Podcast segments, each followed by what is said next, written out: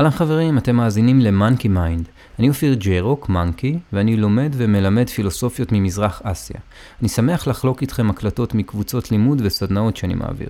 הידע הזה עוזר לי באופן אישי להתנהל ברכות וחמלה עם עצמי ועם הסביבה, ולראות שהדברים הם בסך הכל נקודת מבט, ויש עוד המון אופני הסתכלות על אותו הדבר. אני מקווה שהידע הזה יטיב איתכם. לשאלות ופרטים נוספים אתם מוזמנים לפנות אליי באינסטגרם, אופיר ג'יירוק, שתהיה האזנה נעימה.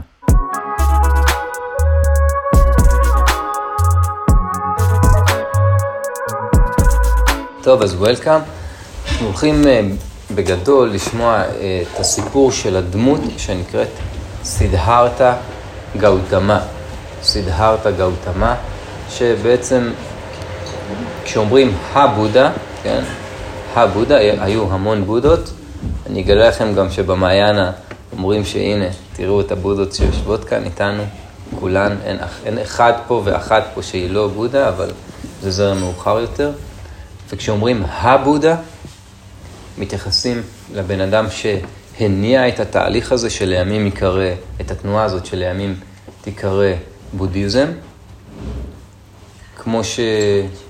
ובאמת כמו שיהושע לא היה נוצרי, ולא הייתה עדיין נצרות שם, והוא היה יהודי, אז uh, סידהרתה גאותמה, בודה, באותה תקופה בכלל היה נסיך, אחרי זה הוא פרש והפך להיות יוגי, ואז הוא התחיל איזושהי דרך חדשה שמתבססת על שתי פילוסופיות אה, שהן מאוד אה, היו חזקות אז בהודו עד היום, אבל פילוסופיות אה, מאוד עמוקות, שאחת מהן נקראת פילוסופיה היוגית, שברמת העיקרון היוגה שאנחנו מתרגלים היום היא משהו מאוד מאוד מאוד מינורי, ברמה של... זה מפריע לכם? אתם רוצים שנעבור... אה? כי אפשר לעבור גם ל... אין בעיה. אוקיי. אמ, אז בגישה היוגית, התרגול זה משהו מאוד מינורי. מה זה מינורי? ברמה של אסנות, שמגיע מהמילה אנגלית זו שפה אינדו-אירופאית, כן? אז נניח המילה אס ואסונות, יש פה את אותו שורש, משהו של ישיבה. אוקיי, אסונות בחמש מאות שנה האחרונות התחילו להיות קצת יותר עניין. כמו שדני אמרה מהאשטנגה, זה שמונה הריאות של היוגה לפי פטנג'לי. אחת שם היא האסנות, והיא גם לא מאוד מרכזית. בחמש מאות שנה האחרונות זה קיבל טיפה יותר דגש, ובמאה השנה האחרונות, מה שהיה תנוחות ישיבה, הפכו לתנוחות עמידה, בהשפעה של כל מיני דברים, והמפגש עם המערב מאוד אה, חיזק את זה, ובעצם הגיע לאיזשהו מצב שהיום אני יכול להגיד, אני יוגי, כי יש לי מזרון של אלו יוגה ובגדים של לולו למון. אבל לפני אלפיים שנה, בשביל להגיד אני יוגי, כמות הפרישות שהיית צריך, נדרי הפרישות, זה נקרא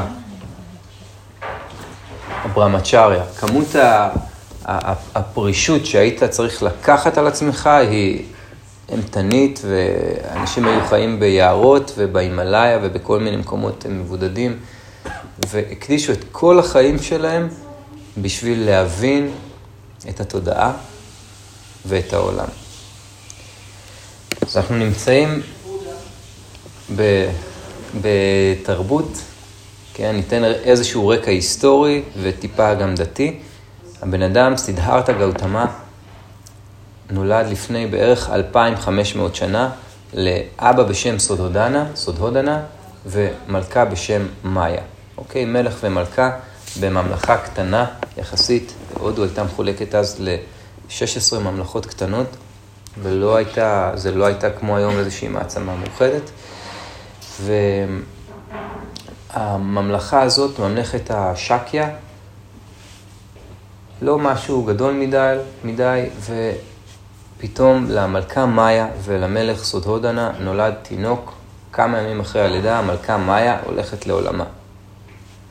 האבא נלחץ, הוא לא יכול להעניק, מה יעלה בגורל התינוק, ואם לא יהיה לי תינוק, מי יירש אותי, מה פה, כל מיני צרות של מלכים. ובאותה תקופה היה נהוג להתייעץ עם כל מיני ידעונים כאלה, אנשים שקוראים בכוכבים, ויש אסטרולוגיה הודית וכל מיני אה, שיטות ניבוי וחיזוי כאלה ואחרות, והם מסתכלים על התינוק ומוצאים סממנים פיזיים, ממש סממנים, ועוד מעבר לזה רואים סימנים של גדולה. ממש משהו, אומרים לו, תשמע, התינוק הזה, יש לו עתיד מזהיר מאוד, הוא עתיד להיות משהו מאוד מאוד אה, נשגב, מאוד רם, ואנחנו גם רואים שהאיכות שמאוד מאוד מאפיינת אותו בכל הגלגולים האחרונים, וזה גם באמת אה, הגישה ש... גישת הקרמה, כן? הגישה הזאת שהיא אומרת, בעצם הבן אדם מכיל איזשהו מצבור מסוים של השלכות של המעשים שלו, השלכות באופן שאי אפשר, זה לא שאם אתה עושה ככה, אז זה יקרה ככה, זה השלכות, אי אפשר לדעת מה השלכות, אבל יש השלכות, ובעצם השק הקרמטי הזה כל פעם נכנס שוב ושוב אל העולם, פעם בצורה הזאת, ופעם בצורה הזאת, ופעם צורה של פרפר, או כל פעם באיזושהי צורה שאמורה לעזור לו להתחכך בעולם ולהשיל מעצמו את הקרמה השלילית. והם בעצם אומרים שכל פעולה מביאה לך איזושהי קרמה, והקרמה הזאת יש לה, היא קצת כמו עובר ושב וחשבון בנק. כן, יש את החשבון בנק הראשי, שאתה לא יכול למשוך אותו בגלגול הזה, ויש את העובר ושב, שזה הקרמה של הגלגול הזה. וכל פעולה שאתה עושה, אתה לא יודע אם היא תלך לגלגול הזה, לחשבון בנק הקטן, לעובר ושב של הגלגול הזה, או לחשבון בנק הגדול, ותראה את זה עוד כמה עשרות גלגולים קדימה. וככה הם מסבירים את הצדיק ורע לו ורשע וטוב לו, כן? זה, אה, מצליחים להבין את מה שאני אומר? האנלוגיה הזאת לא קצת תלשה אותנו? אוקיי. הגישה הזאת אומרת, כן, שוב, הודו חברה מעמדית, יש ארבע קאסטות. הקאסטות בגישה הזאת זה איזושהי היררכיה קרמטית, כשהקאסטות העליונות, שם יש את הברהמינים, כהני הדת, מהמילה אברמה, אברמה זו האלוהות, והם הכי קרובים למה שנקרא מוקשה. מוקשה, אולי שמעתם פסטיבל פה בארץ שנקרא ככה, מוקשה זה שחרור, זה ליבריישן. ובעצם כשאתה מסיים לשלם את הקרמה שלך, אז אתה יכול להשתחרר מהעולם הזה, להשתחרר ממה שנקרא הסמסרה, מעגל הלידה והמוות. ובאמת לפי אותה גישה אנחנו היינו כאן אין סוף פעמים אחורה, ועוד נהיה אלפי ואין סוף פעמים קדימה, עד שנגיע לאיזה רגע כזה ש... של שחרור. ובעצם המעמדות האלה, אגב, סידהרתא גאוטמן שייך למעמד אחד מתחת לברהמינים, שנקרא קשטריה, שזה לוחמים ואצילים, קשטריה. ואם אתם מכירים את המשחק סולמות ונחשים, שמעתם פעם על המשחק הזה? אז זה מגיע מהודו, וזה משחק של הקרמה בעצם. כל level כזה זה קסטה, ואתה צריך להתקדם ולעלות במעלה המדרג הקרמטי, ובלמעלה אתה יכול להשתחרר, ונחשים יכולים להוריד אותך למטה אל עבר הקסטות התחתונות, וככה הם מסבירים את העובדה שבן אדם אחד נולד בקסטה ממש נמוכה, ואין לו ידיים, והוא עיוור, והוא מסכן, ובן אדם אחד נולד בקסטה ממש גבוהה, ויש לו חיים מפוארים, ופרארי בחנייה, ופרחים בשיער. מה ההסבר שעומד מאחורי זה?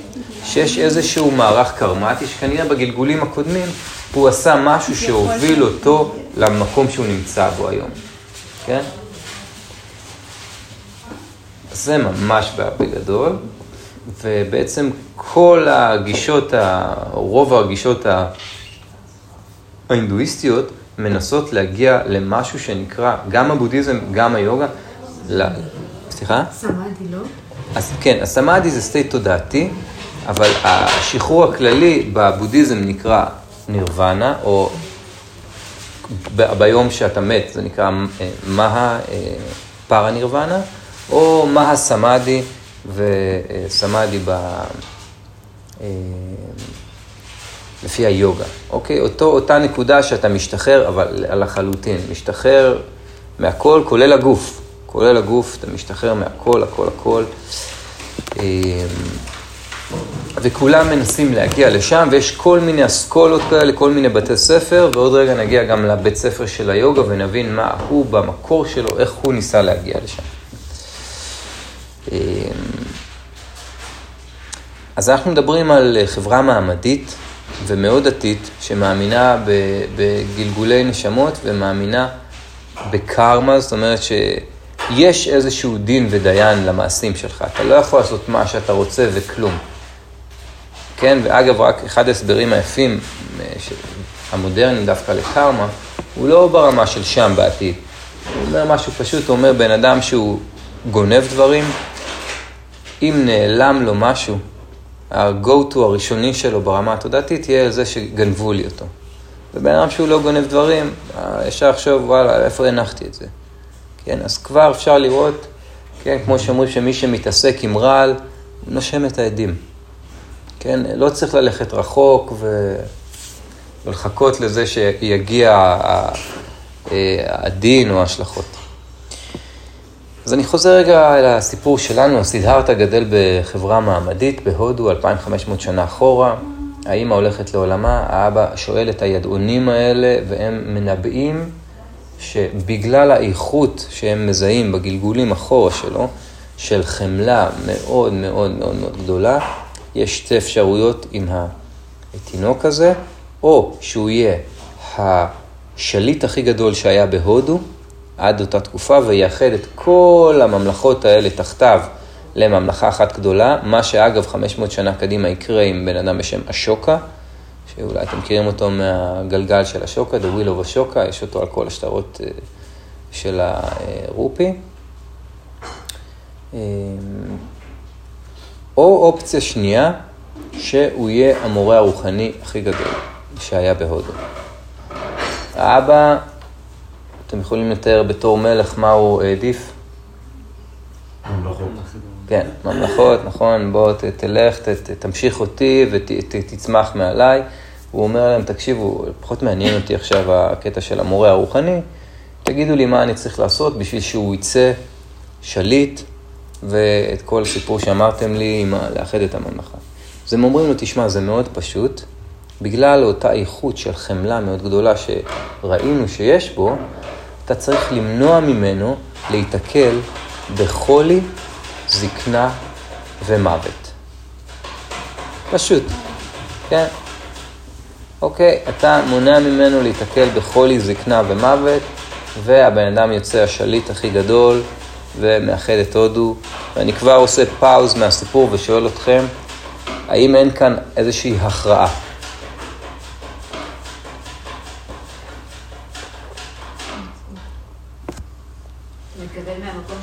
כאילו כן. נכון, כבר אפשר לראות שאי אפשר להימנע, כמו שהיה בגוף השאלה זה היה נמצא יפה.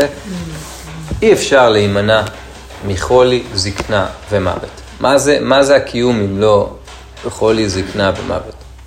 מישהו ראה פעם מישהו שרק חי ולא מת? לא. אז uh, מסופר שבמשך שנים האבא מצליח באמת לשמור על איזשהו uh, מערך סטרילי של הסיטואציה, של הארמון, ואם איזה ציפור בטעות נושרת מאיזה עץ, ישר מפנים אותה, אם איזה משרת מתחיל... Uh, להזדקן, זה עוד לפני הבוטוקס, אז ישר אה, מעיפים אותו. אם איזה קשיש דופק על אה, דלתות הארמון, מסלקים אותו. ככה שומרים על המצב סטרילי לחלוטין, ולא רק זה, אם סידהרתה רוצה להסתובב בממלכה, אז הוא מודיע לאבא שלו, לסודודנה, והוא יוצא, הוא שולח כיתה של אנשים שהם מנקים, עושים איזושהי סטריליזציה של הרחובות, כן? והם מנקים את הרחובות מחולי, זקנה ומוות. אני רק מזכיר לכם, כשבא חבר שאתם מעריכים או אוהבים לבקר אתכם, אז גם אנחנו קצת עושים את זה, פתאום הכביסה שהייתה על הסלון, אנחנו מחביאים אותה איפשהו, וככה מסדרים את הכל קצת יותר פיין, והוא נכנס, כן, תמיד יש פה אה, ריח של לבנדר בדיפיוזר, ואנחנו תמיד איכשהו מגיע, בדיוק קוראים עיתון אה, באנגלית ועושים מדיטציה, לא יודע, זה משהו כזה, אפשר לראות את ההשתקפות הזאת, או גם, ב, אם אתם מכירים את זה, כשמגיע נשיא לאיזה מדינת עולם שלישי, ופתאום הילדים ששחו ערומים בנהר, פתאום שמים אותם באיזה חליפות, ועומדים ככה עם דגלים מנפנפים. אנחנו אוהבים מאוד את האשליה הזאת, את הסטריליזציה הזאת, בגלל זה גם אנחנו הולכים למלונות ולמקומות כאלה ולא ישנים אה, בשווקים.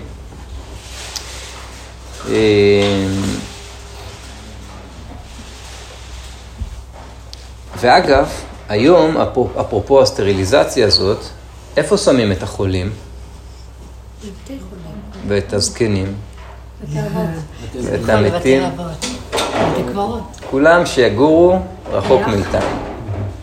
כן. החולים שיאכלו ביחד, אבל לא פה. הזקנים שיזדקנו ביחד, אבל גם ממש לא פה. והמתים, סבבה, שימותו ביחד, אבל גם. וכולם יש להם בתים. והבתים הם אף פעם לא פה.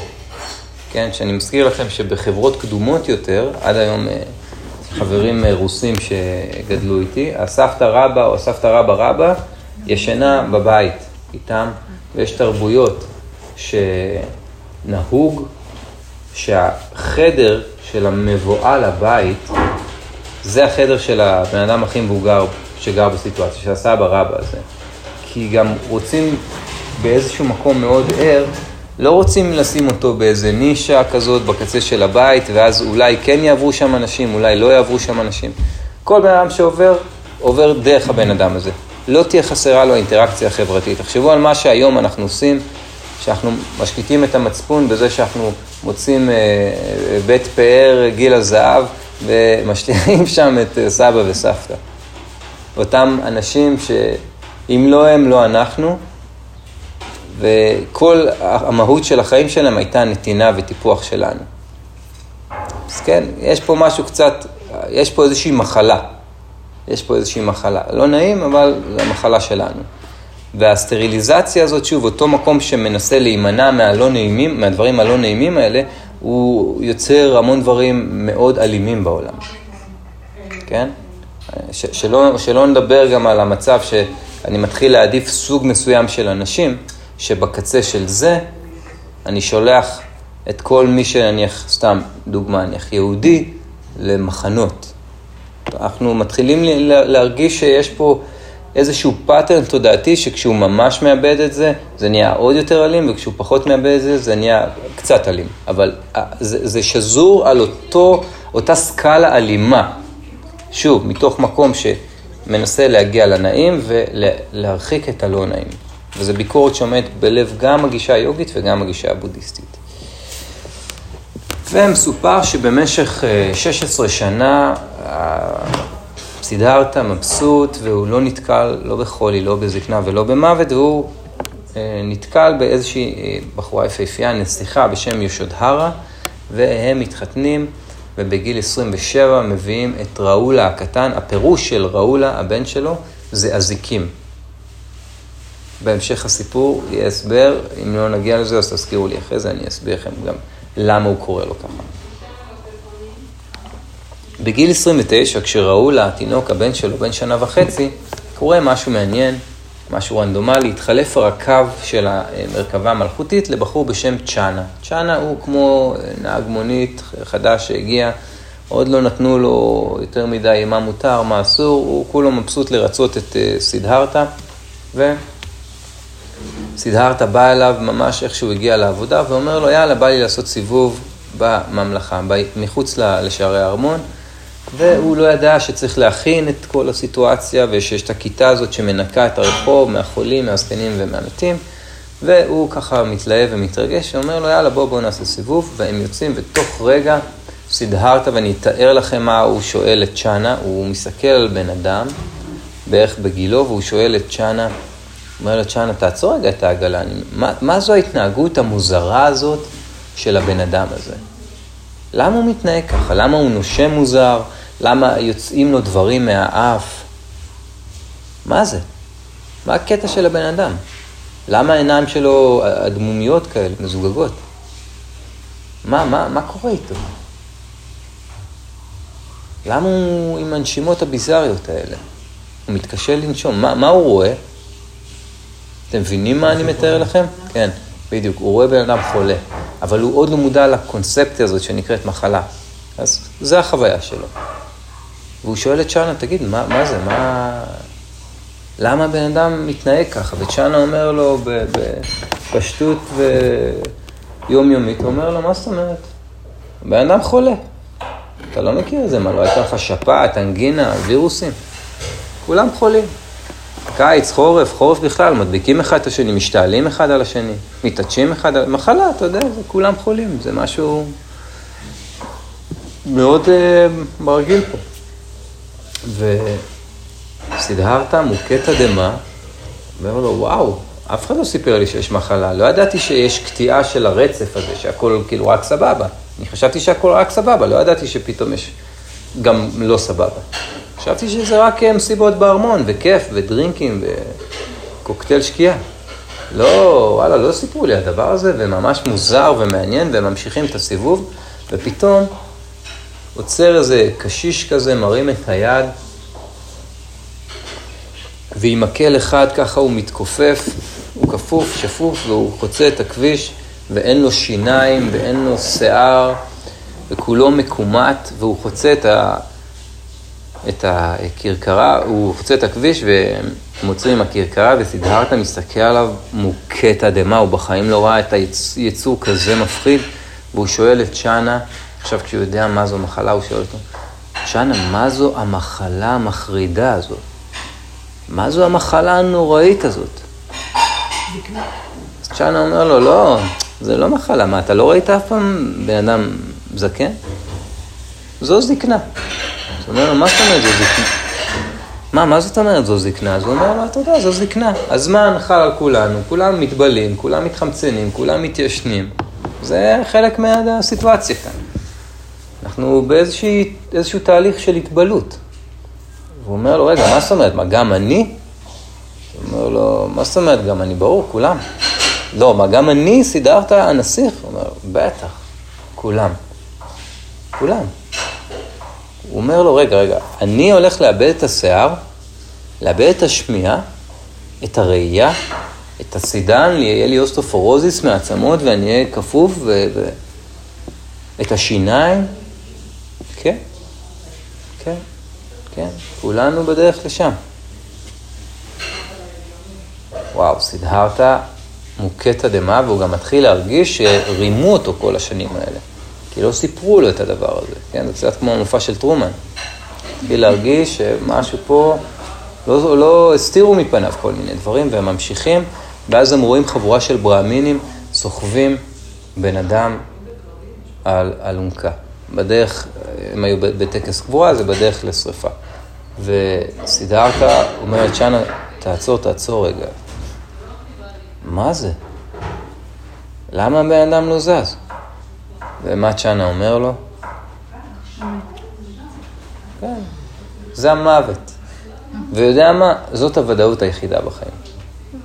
זה הדבר היחיד שאתה יכול לדעת במאה אחוז. אין ודאות יותר מהדבר הזה. אף אחד לא יודע מתי, אבל כולם יודעים שהם ימותו. אין אחד שלא ימות. אין בן אדם, תסתכל מסביב, תראה את הדקל הזה ואת הורדים, תראה את האנשים היפים, את כל הכישרונות האלה, את כל הפרצופים היפים האלה, כולנו נמות. האוכל והשפיות, המנחים של הסדנה, המשתתפים, ההורים של כולם, כולנו, כולנו הולכים למות. זה, וזו הוודאות היחידה בחיים. אני לא יודע איך אני אקום מחר, אבל אני יודע שאני אמות. כן, כמו שלאו צה כותב בספר האתר, בכניסתך לחיים, אתה מתקדם אל עבר שערי המוות. זה הדיל. זה האין והיין, כן? החיים אל מול המוות. סידהרתא נופלת לו הלסת. האדם פעם ראשונה שומע שיש סוף, שיש Game Over לדבר הזה. הוא מתחיל להיות, מוכה תדהמה, בן אדם נכנס למין דכדוך כזה, והוא גם מתחיל לכעוס על אבא שלו ועל כל אשתו ועל כל הארמון. מה, כול, אף אחד לא סיפר לי את הדבר הזה? כולם שיתפו פעולה נגדי? מה זו הקנוניה? מה זה? ממש מתחיל להתעצבן ולכעוס וממשיכים. וגם הוא בן אדם עצוב, הוא הרגע קלט את הקיום האנושי.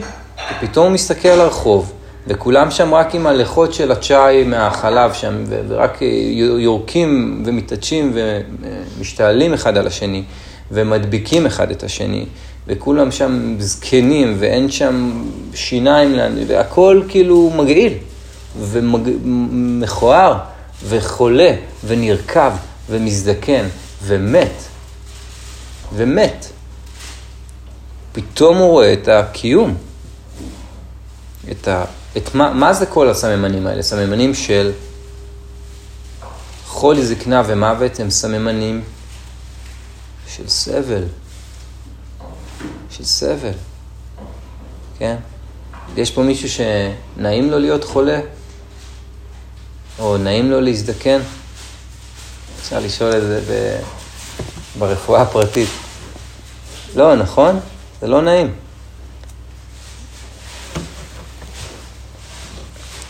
וממשיכים את הסיבוב, וסידהרת, תחשבו על כמות המחשבות, זה בן אדם, כן, זה ממש אותו רגע שאתה מגלה, כמו בטלנובלה, שאבא שלך אומר לך, שסליחה, אימא שלך אומרת לך, אתה זוכר את... אה, אבא שלך זה לא אבא שלך, וארנולד הקרמיקאי השכן, אני עכשיו פתאום, כל מיני סיפורים כאלה. מתחיל, אה, אתה קולט שאתה לא... עד עכשיו חיית בשקר. חיית בשקר ורימו אותך, ופתאום הם ממשיכים, העגלה, ותחשבו על אין סוף המחשבות שרצות לו בראש, ופתאום עובר איזשהו בן אדם. סאדו, אוקיי? איזה בבא כזה. בן אדם שהוא פרש מחיי החומר, פרש מהניסיון להיות מוצלח, יפה, מוכשר, פרש. פרש מהקונטקסט גם החברתי, הוא כבר לא אבא של, הוא כבר לא בעלה של, הוא לא פרש מהקניין, הוא כבר לא הבעלים של מפעל כזה, אין לו כבר, הרכב כבר לא שלו, הבית כבר, הוא שחרר הכל, הכל, הכל, הוא הקדיש את עצמו אל איזשהו מסע רוחני אל, בשביל אותו שחרור. ובתרבות ההודית זה גם משהו שהוא מאוד נהוג. יש, התרבות ההודית מחלקת את החיים שם של הגברים לארבעה חלקים, והחלק הרביעי זה באמת מה שנקרא סניאסים. מונח שאושו אימץ אותו, במקור סניאסים זה הסקשן של הגיל ששייך באזור גיל 60 בדרך כלל, שאתה פורש. אתה פורש, כן? יש בהתחלה אתה לומד, אחרי זה אתה מקים משפחה, ואז אתה מגיע בסוף, אחרי שאתה מייצב שם את העניין, אתה מגיע למצב שאתה פורש גם מכל מה שעשית, מכל הדבר הזה. ומקדיש את עצמך שוב לאיזה שהם חיים רוחניים אל עבר השחרור. אותו שחרור מהמעגל הקרמטי הזה, מהסמסר. והוא מסתכל על אותו בבא, על אותו סדו, והוא רואה כמו איזה בן אדם הזיה. הולך מישהו וכולם רק מרעילים ומתים ונרקבים לו מול הפנים, ובתוך כל הצחנה האנושית הזאת הולך איזשהו בן אדם, והוא זקוף, והוא מחויך, מחוייך, ויש לו איזה ברק כזה, איזה אור בעיניים, והוא לבוש בבגדים מרופטים מאוד, אבל וואו, הוא ממש מחוייך, משהו נעים לו, נעים לו, וסידרתה אומר לצ'אנה, תעצור, תעצור רגע את המרכבה. מה, זה, מה זו ההזיה הזאת? מה זה הבן אדם הזה שהולך כאן? באמצע המקום הגוסס, הנרקב, המצחין, החולני והחולה הזה, והוא ככה מבסוט. מה קרה לו? מה, הוא לא מחובר? הוא לא בסדר? יש לו איזושהי בעיה? הוא אומר לא, לא, תשמע, אני לא יודע בדיוק מה הוא, אבל לפי הלבוש שלו הוא כנראה שייך לפורשים, לסדואים. אני לא יודע בדיוק מה הסיפור, אבל אם אתה רוצה אתה יכול לבדוק בעצמך. והוא עוצר את הכרכרה, וסידהרתה יורד משם, והוא ניגש אל הסדו הזה, והוא שואל אותו, מה אתה? מה, מה קורה פה? אז הוא אומר לו, תשמע, אני, אני סאדו, ומספר לו, כמו שאמרתי לכם, פרשתי מכל החומר ומהקונטקסטים האלה, ואז סידרתה מתחיל להתרגש, והוא שואל אותו, רגע, אני רוצה גם, אני יכול להיות תלמיד שלך? הוא אמר לו, לא. לא. אני לא מורה, אבל אם אתה רוצה, יש ביער שני מורים שאני לומד אצלהם, אתה יכול לבוא להצטרף אליי, ואם הם יקבלו אותך, אז איזה יופי. זה נקרא תרבות היער גם באותה תקופה, היו לומדים שם ביערות, פורשים מהערים ולומדים ביער. ובאמת סידרת במשך שש שנים, הולך והוא לומד משני מורים מסורת יוגית. עכשיו, במקור המסורת היוגית היא מסורת מאוד מאוד סגפנית ומאוד מאוד רדיקלית, כן? שוב, אני אומר, לא היו נשים ביוגה, זה לא היה שייך בכלל לנשים, לא, לא נתקלתי כמעט, לא מכיר סיפורים על נשים יוגיות. מאיזה סיבה? זה היה משהו שייך לה, זה כמו שעכשיו אה, יהיה לך בזרמים דתיים של שמרנים אה, רבנית. אין, זה משהו ששייך לגברים. וזו חברה מאוד שמרנית.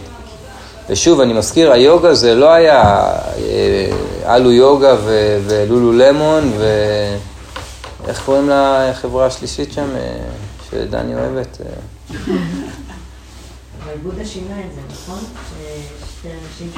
חוכמה. הבודה שינה את זה, נכון. הבודה שינה, ויש שם משהו גם יפה בסיפור שלו. אני לא יודע אם זה נכון, אבל אומרים שמי שהעניקה אותו, הרי אימא שלו לא הייתה, ומי שהעניקה אותו באה ואמרה לו, בהתחלה הוא גם אה, התנגד, ואז היא אמרה, מה, אני נתתי לך את החיים, אם לא אני, לא אתה. וזה גם מה שאתה מלמד. אז איך יכול להיות? והוא אמר, צודקת, ומאז הוא פתח את זה, והוא גם שחרר את המעמדות, אבל אנחנו קפצנו בסוף הסיפור. רק, כן, אסתי רגועה, כל הפמיניסטיות יכולות להירגע, עבודה, עשה כאן תיקון. וגם לולו למון, הכל בסדר, אנחנו אוהבים את כולם. אה, ואז במשך שש שנים הוא מתרגל ביער סיגופים וצומות קיצוניים. אני מזכיר לכם שהיוגה, אחת המטרות הראשיות שלה זה שחרור על ידי ממש הכחדת הגוף. הכחדת הגוף, שחרור התודעה על ידי הכחדת הגוף. כי מה הם אומרים בבסיס? הם אומרים, וואלה, אני רוצה ממש להשתחרר, אבל פתאום אני רעב, פתאום יש לי חשק מיני, פתאום אני צמא, פתאום אני מלא צרכים, פתאום אני עייף. אני לא יכול להשתחרר ככה עם כל הצרכים שהם שולטים בי. כן, הרתימה הזאת של היוגה, מה שדני אמרה, יוג. אבל להשתחרר ממה? מהחיים? כאילו, אני לא כן, כך מצליחה להבין את ה... כן, להשתחרר ממעגל הלידה והמוות, ממעגל הסמסרה. אבל אז איזה מין כאילו, אם כל הזמן הם במין רדיפה אחרי לא לחיות, אז איזה מין חיים הם? חיים של סיגופים מאוד מאוד קיצוניים וצומות, ממש ממש רדיקליים. ואת יודעת, יש בהודו אנשים שעומדים על רגל אחת כל החיים. אוכלים רק תפוחי אדמה, יש דברים שממש ממש קיצוניים, אנשים שהולכים רק על הארבע, יש כל מיני זרמים כאלה, הם לא בהכרח יובילו אותך לשחרור, זה ביקורת של הבודה, הבודה למד את זה והוא מרד בזה, לדעתו. כביכול אם אנחנו מתענגים על אוכל, כמו שאנחנו אוכלים אז אתה ממש מתענג, אז הם ממש מצמצמים את זה למין... אז, אז מה זה מצמצמים? לרמה שמסופר שהבן אדם חי על גרגר אורז אחד ביום והוא כמעט מת, והיו לו כבר אה, חמישה מאמינים, והוא היה ממש ממש כחוש וגמור, והם היו באסכולה ממש ממש של אה, חבר'ה סופר קיצוניים, שממש נגד תענוגות. נגד, נגד, נגד התנגדות, גם הברמצ'ריה זה...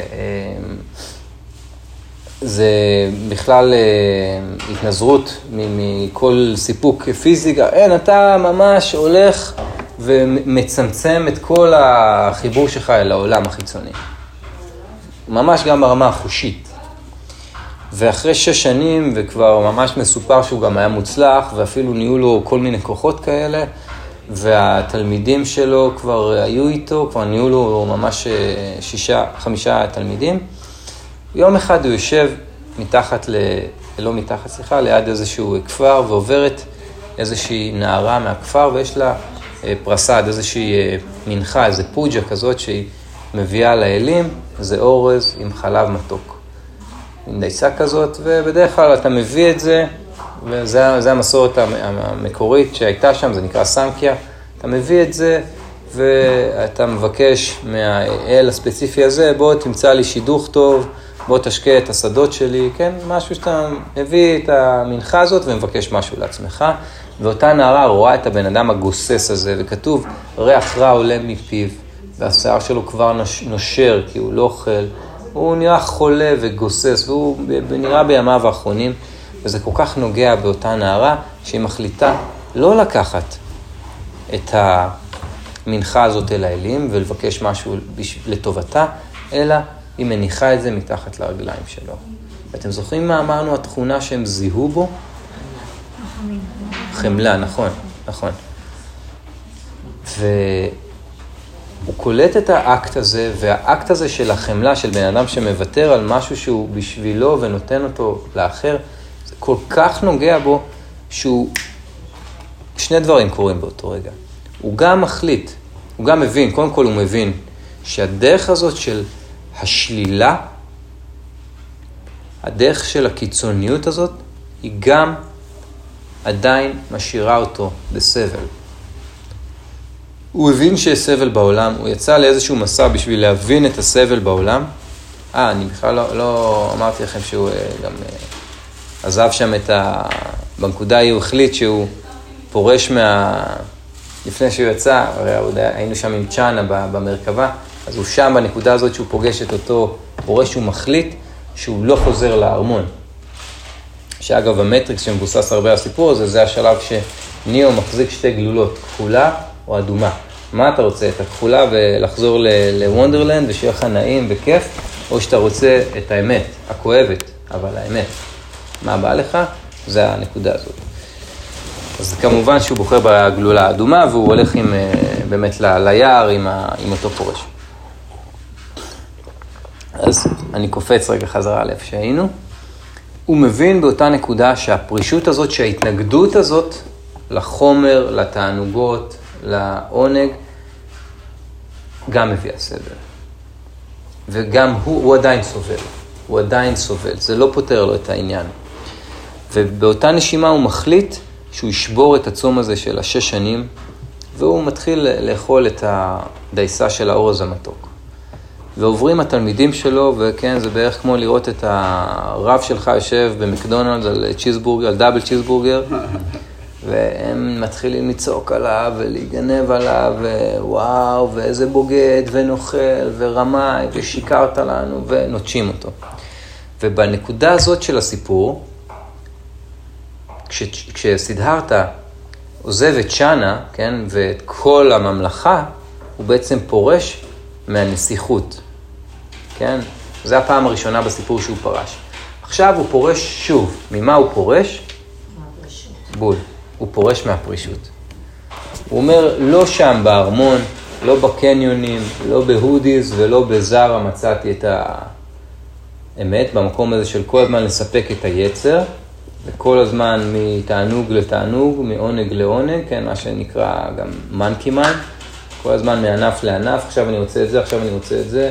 הלכתי, קניתי את הדבר הזה, עכשיו בא לי קפה פה, עכשיו בא לי לראות את הדבר הזה, כל, כל הזמן מין משהו שהוא, באופנישדות מספרים על אש, שככל שאתה מוסיף לה עוד עץ, היא רק גדלה.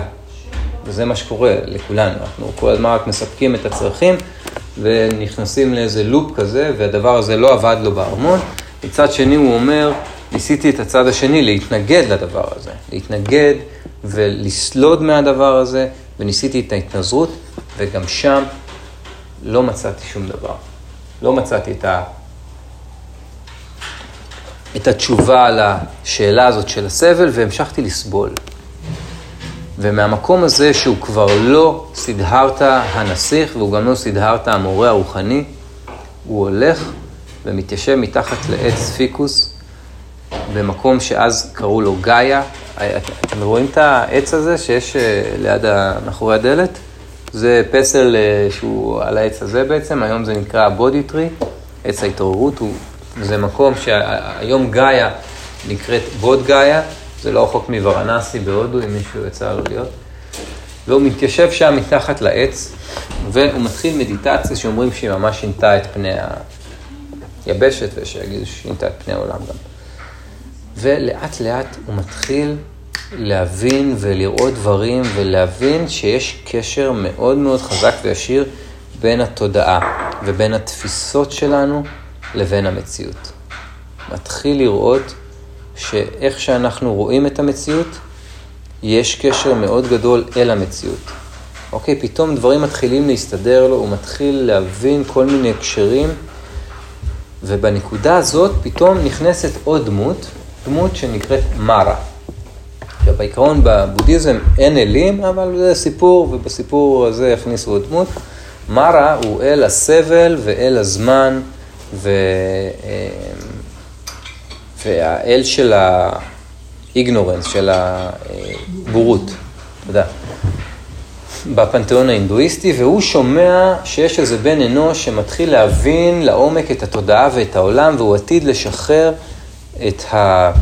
אה, הרבה מאוד מהבני אדם מהסבל הזה. וכל התפקיד של מרה זה לדאוג שהם יישארו בורים וימשיכו לסבול. והוא ככה נכנס, מגיע אליו ומחליט להפריע לו, ולהוציא אותו מהשיווי משקל הזה, מהאיזון שלו. אז מה הוא עושה? הוא מנסה לשלוח אליו את מושאי התודעה השליליים, השליליים, השליליים. איך הוא עושה את זה? הוא שולח כל מיני דברים שהם פחדים שלנו, חרדות שלנו. ממה אתם מפחדים? יש איזה דמויות שאתם סולדים מהם? מחבלים? נאצים? ממה אתם אה, סולדים? אני אעזור לכם? אתם לא צריכים לבד. נחשים. נחשים. האמת שאחד הדמויות שהוא באמת שלח זה נחשי קוברה. כי ההודים מאוד מאוד מפחדים מנחשי קוברה, וגם יש פסל מאוד מפורסם עם זה. והוא שולח כל מיני דמויות כאלה שאנחנו מאוד מאוד מפחדים מהם. וסידרת יושב ככה בישיבה המפורסמת. והוא רואה את כל הנאצים והמחבלים ויגאל עמיר, מי בא לכם? תצטרפו כל אחד עם הפחדים שלו. אחד יגיד רבין, אחד יגיד יגאל עמיר, זה קטע בתודה. והוא רואה את כל הדמויות האלה ואת הנחשים, והוא פתאום מבין משהו. הוא מבין שכל הדמויות האלה,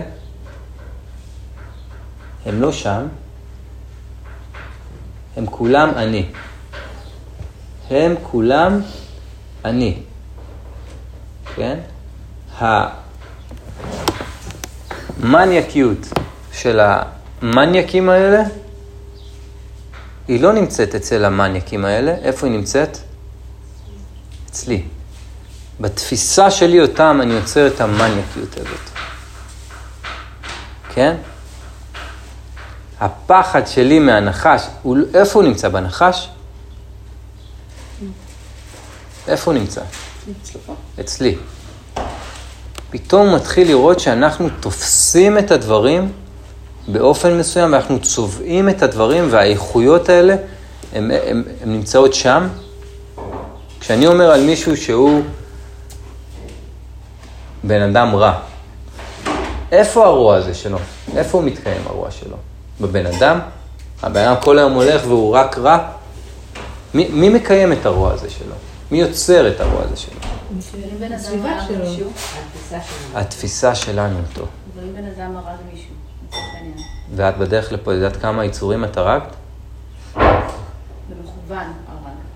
מה זה משנה, מכוון או לא מכוון? אם הבן שלך חלילה או מישהו, לא הבן שלך, דוגמה קיצונית מדי, את מבינה מה, לאן זה הולך. זה משנה למישהו אם זה מכוון או לא מכוון? זה משנה, אבל זה גם לא משנה. הקיום שלנו anyway הוא על חשבון. כאילו עובד על רעיון זה ש... אה, כאילו זה שהוא רצח, אה, יכול להיות באותה מידה שאני רצחתי, כאילו? זאת הכוונה? לא, זה שהוא רצח לא הופך אותו לרוצח. או זה שהוא רצח, אני רואה אותו כרע. כן. הוא לא בהכרח לא רואה את עצמו כרע אולי. לא רק הוא, הרע הוא לא חלק, לא ממנו, והוא בכלל לא נמצא כאן בעולם. סבבה. אז הרע זה משהו שאתה מקיים בתפיסה שלך על מישהו. הרי אותו מחבל שבא, ואנחנו קוראים לו מחבל, בבוקר הוא הביא לבן שלו ביצת קינדר, ואמר לו, יהי בני, איך אני אוהב אותך, ואני עושה משהו שהוא בשביל לשחרר אותך, ואני למדתי את זה בכלל מהאויבים שלנו, כי ככה הם ניצחו את הבריטים בכלל, ולהם זה עבד, אז אני עושה אותו דבר. ואיך הבן שלו קורא לו? מחבל? חושב ש... רגע, רק שנייה, רק נסגור את הנקודה. איך הוא קורא לו? אבא. ואיך אשתו, הוא בא מנשק אותה ואומר לה, האהובה שלי, ואנחנו נתראה בגלגול הבא, ואני עושה את זה מתוך אהבה אלייך ולעם שלי ולשחרר אתכם. איך היא קוראת לו? זה בעצם הכל בעיני המתבונן. כן, זה מה שהוא אומר. כל פרשנות. הכל פרשנות, כן, הכל זה- זה בעיניו. יכול להיות, כאילו, חשבתי על זה בקטע של טוב אפילו, כאילו, גם בקטע טוב. בטח, בטח. עכשיו הנה, ניקח גם... במישהו, בן אדם טוב, לא בהכרח ש... עוד רגע נגיע לחצי השני של הסיפור, וזה בדיוק המושאי התודעה החיוביים. אבל לגמרי, זה לגמרי שם. זה בעצם השליטה שלנו. נכון. אז עכשיו רק נסגור את העניין הזה. אנחנו קוראים לאותו בן אדם מחבל, אבל איך העם שלו קורא לו? גיבור. גיבור. עכשיו, אנחנו, חנה סנש, מה היא בשבילנו? ובשביל הבריטים? טרוריסטי. טרוריסטית. איזה פדיחה, חבר'ה. מישהו שם לב לדבר הזה? המ- הקרייני חדשות שמו לב לדבר הזה? הפוליטיקאים שמו לב לדבר הזה? עכשיו, לא מעניין אותי הפוליטיקאים והמגישי חדשות. אנחנו שמנו לב לדבר הזה? אוקיי? מתחילים לראות שיש פה מציאות שאנחנו לא רואים אותה באופן בהיר. דני גם הזכיר את זה לפני, אה, בתחילת התרגול, לראות את הדברים כמו שהם, באופן בהיר. המינוח הב- הב- הבודהיסטי זה באמת כחות, באנגלית זה שלי. מנגד, הוא שולח את מושאי התודעה החיוביים. הוא שולח לו ארגזים של לולו למון. ארגזים. הריטריט הזה נפלנו על לולו למון, דני. קודם זה היה ללו יוגה. והוא שולח את מיריש ואת אינגול עם סירים, והם מפתים אותו, והוא שולח רקדניות, וממש בקצה של הסיפור הזה מסופר שהוא שולח את שלושת הבנות שלו, וגם השמות שלהם הם, אה, אה, זה משהו, אה, זה אה, עצלות, השתוקקות ודחייה, זה, זה שמות כאלה כאילו מצחיקים גם. מהסיפור, והן הנשים הכי יפות בעולם. זה, תחשבו, זה ההתגלמות של הפלייבוי, כאילו, זה ההתגלמות של המושא הגברי, והן באות ערומות, והן רוקדות את ריקוד הפיתויים של, ה... של, של הן, של הבנות של מרה. זה חבר'ה, אף גבר לא יכול להחזיק מול הדבר הזה, ופתאום סידהרת עומד מול היופי הנשי המטורף הזה, ונופל לו האסימון, בום, עוד יותר חזק. עכשיו אנחנו בחלק הזה. איפה נמצא היופי של הבנות של מרה? אני אתן לכם ארבע אופציות. בחזה שלהן, בבטן שלהן, בטוסיק שלהן, או בתודעה שלי. אוקיי. איפה הסקסיות הזאת נמצאת, חברים? זה נמצא בכם או בי? מי מייצר את הסקסיות הזאת, או את היופי הזה, או את הכיעור הזה? אז יש אפשרות בכלל להגיע לתשובה האובייקטיבית? יש דבר כזה אובייקטיבי? הרי בשביל שיהיה אובייקטיביות צריך ש... ברגע שמישהו תופס את זה, מה הפכנו מיד? זה אומרת. אבל יש הבדל בין בן אדם שהולך ויודע שהתפיסה שלו היא בסך הכל סובייקטיביות, סובייקטיבית, או בן אדם שהולך וחושב שהדעה שלו היא ליבריות, היא אובייקטיבית, מבינה את ההבדל, מבינה שכשהיטלר יצא למסע ההשמדה שלו, הוא לא אמר, בעצם זו רק הדעה שלי, אולי היהודים הם לא כאלה נוראים. הוא אמר, הדעה שלי היא אובייקטיבית, ואני גם מביא סימוכים, ותורת הדת, תורת הגזע, סליחה, אה, מאשרת אותי. ומה הוא חשב, שהוא סובייקטיבי או אובייקטיבי? מה הוא חשב? כן. אתם מבינים מה אני אומר? אתם מבינים איזה הבדל יש בין בן אדם שהולך ומבין שהוא בסך הכל סובייקטיבי? וואלה, אני חושב שדני היא הבחורה שאני צריך לחיות איתה ולהביא איתה ילדים, וזהו. וזה לא האמת, וזה בטוח לא אובייקטיבי. והיכולת שלי להתמודד מול המציאות עם הדבר הזה, זה כלי אימתני. אימתני, חברים, אז זה כלי שחרור מסבל מטורף. מטורף. כאילו שאתה אומר, זה לא עובדה, אלא זה אני, לדעתי. בדיוק. זה אני תופס את זה הן ככה. יפות לדעתי. נכון. ועל אותה נשימה אתה גם יודע, הן לא יפות. הן לא יפות. יש יופי בעולם? או שיש יופי במתבונן בעולם? הספר, הספר הטאו נגמר, הפרק האחרון, כותב דברים יפים אינם אמיתיים. דברי אמת אינם יפים. אני זוכר פעם ראשונה קראתי את זה והרגשתי, וישר אמרתי, איזה יופי! ואז תפסתי את עצמי. להגיד את זה עוד פעם? דברים יפים אינם אמיתיים, דברי אמת אינם יפים. באמת, אין את העדפות האלה, אין את היפה והמכוער, זה מה שזה, זה מה שזה. עכשיו אנחנו נבוא ונגיד, הקיר הזה זה הכותל וסיפורים, והם יגידו, לא, הקיר הזה זה... לא יודע מה הם יגידו, אבל... הרמה של אבנים. משהו אחר, כן. ובסוף זה ערימה של אבנים, הנה, בן אדם יושב, אומר, אבל חבר'ה, מה קורה איתכם? זה ערימה של אבנים. מה, מה הולך? מה, אתם תמשיכו? עכשיו, תחשבו על כמה האשליה הזאת רחוקה. מישהו אחד קורא לכרית הזאת אה, פילו, ואחד קורא לה קושן. והם מתחילים לריב, האם הכרית הזאת היא פילו או קושן? כן? סליחה? יפה, וזה אני בעצם מדבר על אנלוגיה לאלוהים. יכול להיות שאלוהים יושב שם, והוא מסתכל על הבני אדם ואומר, וואלה, איזה חמודים אלה שעובדים אותי וקוראים לי הלאה. יפה, ואיזה כוונה הם שמים, ועם השטיחים והטקסים שלהם, וואלה, מגניב. ואלה גם חמודים עם הציציות שלהם, שקוראים לי אלוהים, וגם מקדישים, והם צנועים ומעודנים. איזה יופי. וכמה שמות יש לי. כמה שמות, כן, כמו שרומי אמר, יש אה, אין סוף דרכים אה, לרקוע, אה, לכרוע ברך ולנשק את הרצפה, את האדמה. כן, יש אין סוף שמות, כן, או גם אמרו את זה, rose by any other name would smell the same, כן, זה שמות, בסך הכל שמות. וכנראה האלוהות הזאת יושבת שם ואומרת, איזה חמודים אלה ואיזה חמודים אלה, הם כולם הבנים שלי. ואלה אוהבים את השטיחים שלהם, ואלה אוהבים את הציציות שלהם, ואיזה יופי. אבל הם בינם לבין עצמם יהרגו, לא יהרגו, הורגים אחד את השני. הורגים אחד את השני.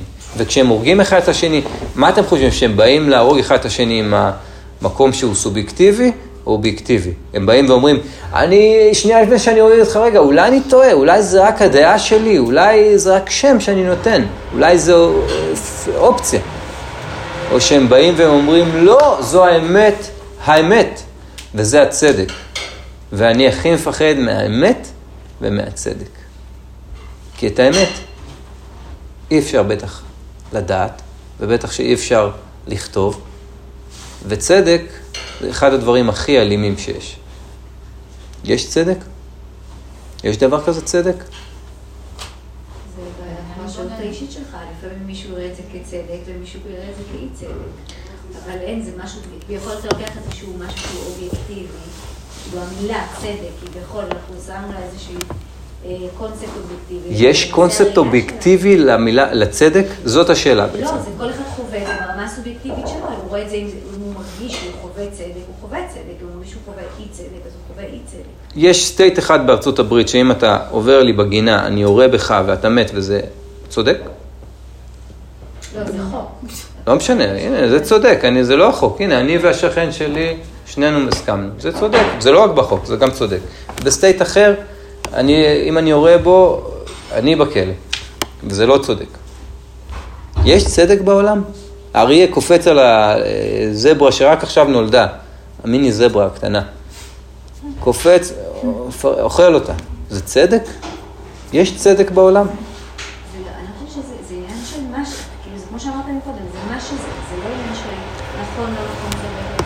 אני מנסה להוביל אותך לתהום. יש צדק בעולם? לא, לפי ההגדרות האלה אין צדק בעולם. עוד פעם, זה הכל תלוי צדק בעיני מי. אוקיי. באיזה צד אתה נמצא. אוקיי, עכשיו, אני חושב שאנחנו פשוט רגילים לשים תבניות לדברים. קשה לנו שדברים הם מופשטים מדי. אז כל אחד רואה את הדת שלו עם כל הדברים, ה... עם העומק שלה, אבל חייבים לשים לזה איזשהו... איזושהי, איזושהי גדר מסוימת. אם לא יהיה, כאילו, הרבה יותר קשה לתפוס את המציאות ככה, בכל מיני בחינות, לא רק דת, אלא צדק וכל מיני דברים. נכון, לא נכון, כביכול. אוקיי, אז עכשיו אני שופט בבית המשפט העליון. הצדק איתי, זה מה שכתוב לי מאחוריי. הצדק איתי? אתם מבינים את רמת האשליה התודעתית של הבני אדם? אתם קולטים את, ה, את הרמה של המחלה התודעתית שאנחנו חיים? בני אדם שהם יצורים מאוד אה, בעייתיים, חייב boundaries, חייב גבולות. זה לאו דווקא צודק, הגבולות האלה. יכולים לראות בך בגינה. זה, זה שלהם. השאלה אבל שאני שואל, אם הגבולות האלה, הגבולות האלה זה לא, אבל, אנחנו חייבים את הגבולות אבל האלה. תראי מה את אומרת לי, זה, זה, זה מטורף, את אומרת לי חייבים גבולות, ואז אני אומר אוקיי, אני הנחתי גבול, זה הגבול של הבית שלי, ואני יורה בך כשאתה נכנס אליי לגינה. שזה- שזה מטורף. אז איך אני חייב, אז למה את אומרת חייבים גבולות? אני לא מבין, זה כאילו, אני חושבת. שבני אדם הם יצורים כאלה מורכבים, שאם לא יהיה גבולות ולא יהיה חוקים שהם לאו דווקא צודקים, אז- יהיה כאוס. ועכשיו נשאל עוד שאלה. יש זהו, יש חוקים, יש חוקים ויש גבולות. אבל איפה זה... אבל אנשים לא עושים, מה, אנשים, אסור להרוג, אבל אנשים לא הורגים? אבל קוראים כאילו אבל. רגע, מה זה אז? ואם אם יש לי מספיק כסף, או אני מספיק מוכשר, אני מספיק מוכשר בשביל להרעיל אנשים ואף אחד לא יעלה עליי. זה כבר, אתה יודע, זה כבר אה, כל מיני אם ואם, אבל... מה זה אם ואם? אבל את יודעת, זה- זה כאילו... כן, אבל הכללים זה ניסיון, זה, כמו לנסות ליישר את הגלים עם קרש. אני חושב שזה פשוט רחוק, המציאות שאת אתה מדבר על מדברת. אה, עולם אוטופי כרגע. לא, ממש לא יהיה עולם. ולא תסתכלי, למה? מה קורה ב- בסוואנה באפריקה? יש שם איזה מישהו בא, כרטיס אדום ל- לטיגריס. אבל עדיין החיות רואות אחת את השנייה, אז אז הנה, יש לך... אבל זה ככה מתקיים. נכון. זה אי אפשר בלי, זה אחד, את- אוכלת חסה או פרה, זה לא משנה, אבל... מה אתה מציע? אני מנסה עכשיו כאילו מה... אוקיי.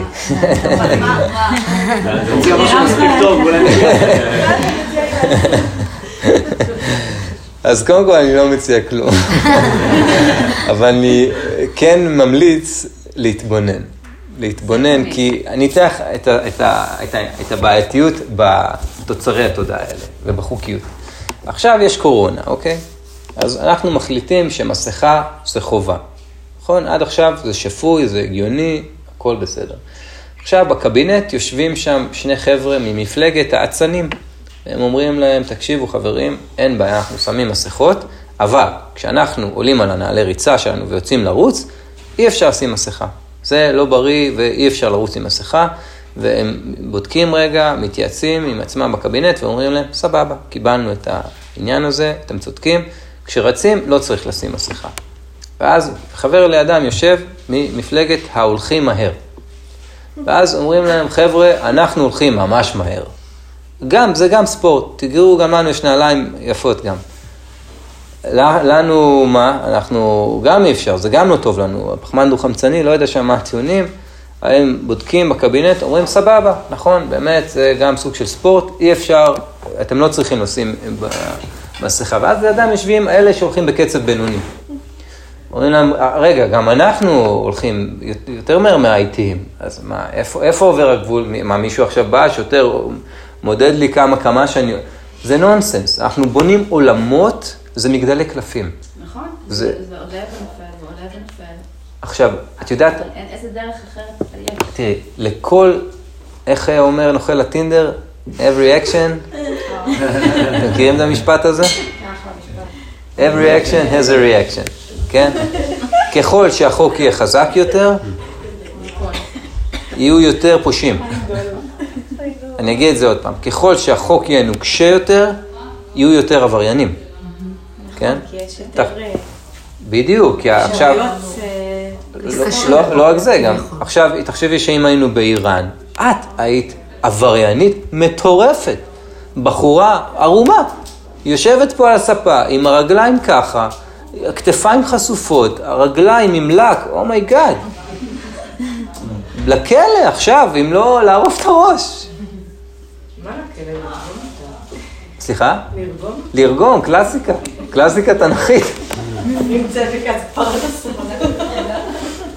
וזה על אותה נשימה של חוק וסדר. ובעצם הדבר הזה זה דיון היסטורי שגם נעשה לפני 2500 שנה בתקופתו של לאוצה שכתב את ספר הטאו, שהוא, בעצם את מייצגת את הדעה של קונפוציוס, קונקפוצה, שבאמת בסוף בחרו בדעה הזאת ואמרו כן צריך סדר והיררכיה והשליט יותר חשוב מהפרלמנט והגבר יותר חשוב מה... לא משנה, אני אומר, הרי אתה מתחיל לסדר את הכאוס בחוקים, ואז אתה מתחיל להסתבך. אני פשוט אומרת שבבני אדם יש כל כך הרבה מורכבות. לא כולנו טובים וחומרים. כי ככה אנחנו, יש לזה טוב ורע, כי ככה אנחנו. ויש אנשים קיצוניים שעושים דברים קיצוניים. אז, אני מבינה את הראש שלך, אבל אני מבינה את הצד השני שצריך... אני, אני, אני רק, בסדר, עוד, זה אני רק. שואל אותך אם את מבינה שהאנשים הקיצוניים האלה שעושים דברים מאוד קיצוניים, עושים את זה גם, גם כשיש חוקים, זה פה ה... השאלה אם את מבינה שהאנשים הקיצוניים האלה הם את. את, בקונטקסט של 100 שנה אחורה, או בקונטקסט גיאוגרפי אחר, את הדבר הכי קיצוני שיש. יודעת מה? בקונטקסט מסוים, את הרבה יותר קיצונית ממישהו שהורג את הבת שלו כי היא שכבה עם השכן. ככה, as is, ככה, יושבת על הספה. ואני מדבר איתך על, על הפזורה ב- ב- בליד באר שבע. הבנתי גם. אני אומר, בקונטקסט מסוים, אם ה... סתם חוקים של אה, משפחות אה, בדואיות, האח הבכור, אם הוא תופס את, ה... את אחותו עושה אה, מעשה, הוא הורג אותה.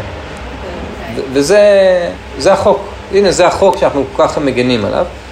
ומצד שני, אם בחורה יושבת ככה... בעיניי זה נראה נורא, בעיניהם זה לא. כאילו, אני מבינה. אז את מבינה את הבעייתיות אבל? אז מי, מי הבן אדם שהוא הוא המחוקק, שהוא באמת רואה את הדברים? אנחנו מפה מאוד קשה להתחבר עם איראן, כאילו שהם הורגים נשים וכולי. איך, אני לא רואה את עצמי מתקרב בכלל אה, להתחבר לדבר. אז זה יכול... הפוך, כאילו... אה, פשוט ברגע שאנחנו נתחיל ליצור עולם שמתקיים רק בתודעה, אז זה עולם שמתקיים רק בתודעה, ואז כל אחד יעביר את הגבול איפה שבא לו. אבל זה אומר שאנחנו ממש מחוברים כאילו לעצמנו. כאילו, אז אם אנחנו ממש מחוברים לעצמנו, אנחנו צריכים, עכשיו אני מצטט את קרישנמורטי, הוא אומר, בן אדם שמחובר לעצמו, צריך את עשרת הדיברות. את, אם עכשיו את מחוברת, הלכת כל היום ריטריטים, סדנאות, קראת, ספרים, מה, את מחוברת לעצמך. את צריכה עכשיו שמישהו יגיד לך, אל תרצח, אל תגנוב. אה, ילד, אתה מדבר על סוג של אותו קשר, אני לא חושבת זה נכון, תקשיב. יכולה להיות. אתה לא מחובר לעצמך מילדות, אוקיי? אני כאימא... מה זה, זה, איך את יכולה להגיד דבר כזה? לא. תינוק, יש משהו יותר לא, מחובר מתינוק? בסדר, אבל אתה יודע, אני כאימא אה, מחנכת את הילדים שלי, קודם כל תהיו תהיו אנשים טובים, אוקיי? מה זה טוב. בהגדרה שלך? אבל, אבל כן עלו שאלות, אמא מותר לגנוב, אמא מותר, אה, למה האיש הזה הורג את האיש הזה מותר להרוג? ואני באתי ואמרתי להם, מה דעתי? כי לא ולא ולא, עשרת הדיברות, נכון? כן. ועם זה אתה גדל, זאת אומרת, זה גם נורא ערכים שנותנים לך, אבל עם זה אתה גדל, ואתה גדל, אתה סופג עוד, אתה סופג עוד. אתה מבין, זה מה, אני, כאילו. אני ממש מבין, אני ממש מבין. אני מבין, אבל אני פשוט שואל מה את שונה מאימא שקוראים לה אה, סלמה, והיא אומרת לא להם, לא, אבל רגע, ת- תביני את הרעיון, אני- כי אני אומר, מה ההבדל? היא אומרת להם, בטח יא בני, זה מצווה להרוג אותם, זה מצווה. זה בדיוק גם כאילו נגיד, ב- נכון, ואז כאילו מלמדים את הילדים, כאילו ספרים על כמה גיבורים נוראים, ויש זה אינם דומים. אז זה כאילו, אז על זה נופל כאילו הרע, כאילו, זה כאילו החינוך. אז, אז אפשר להגיד, כאילו גם אני וגם אה, הוא יכול לרצוח, שנינו יכולים לעשות את הפעולה, ופשוט הוא בחר לעשות את זה ואני לא בחרתי. אוקיי, ואז, ואז, זהו, ואז זה מוביל אותנו לסיימן השלישי של המציאות, שניגע בו מחר, כי פשוט אנחנו טוחנים את אותו עניין באמת, זה נקרא ריקוד, שונייתה, שונייתה. מה שזה אומר, זה אומר שהאיכויות שאנחנו מייחסים לדברים, הן לא נמצאות בדברים. העולם הזה הוא ריק מהאיכויות, הוא בהיעדר האיכויות האלה שאנחנו מייחסים אליו. ובגלל זה למישהו אחד זה טוב, ולמישהו אחר זה התגלמות הרע. כאילו שבעיניי זה שולחן, אבל מישהו עכשיו מאפריקה לא יודע שזה שולחן. נכון, או לא, לא רק, אה, לא רק בעינייך, תחשבי שעכשיו היה בא לפה כלב, והוא בשבילו זה מיטה. כן? או עכשיו, אה, אנחנו פשוט לא רואים גם את הדברים בהיר, כן? נניח בשבילה עכשיו זה שולחן, אבל אני הייתי ילד בהודו שהיה קורא קריסטלים, ובשבילי אני רק רואה את הדבר הזה, אני מתחלחל, זה מזכיר לי את כל השעות של העבדות שכרוכות פה בשביל שאיזה ילדה עם אה, הלו יוגה תשים על זה את הרגליים שלה. כן?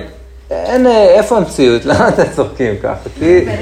זה- הלולולנו? זה הצחוק, זה הצחוק, של הריקות, יש בזה באמת משהו, זה אבסורד קיומי. אנחנו כל כך רוצים שתהיה פה שפיות, ויהיה פה היגיון, ויהיו פה חוקים, ויהיו פה סדר, אבל מה, מה המציאות? אם אני עכשיו נוסע בדרך הביתה, יש מצב שאיזה משאית נכנסת בי מהצד, ומה יעזור לי? אין סוף ביטוחים, והרמזורים האדומים, ומשטרת ישראל, והאינטרפול. סליחה? זה גורל. מה לא גורל? מסבך אותנו.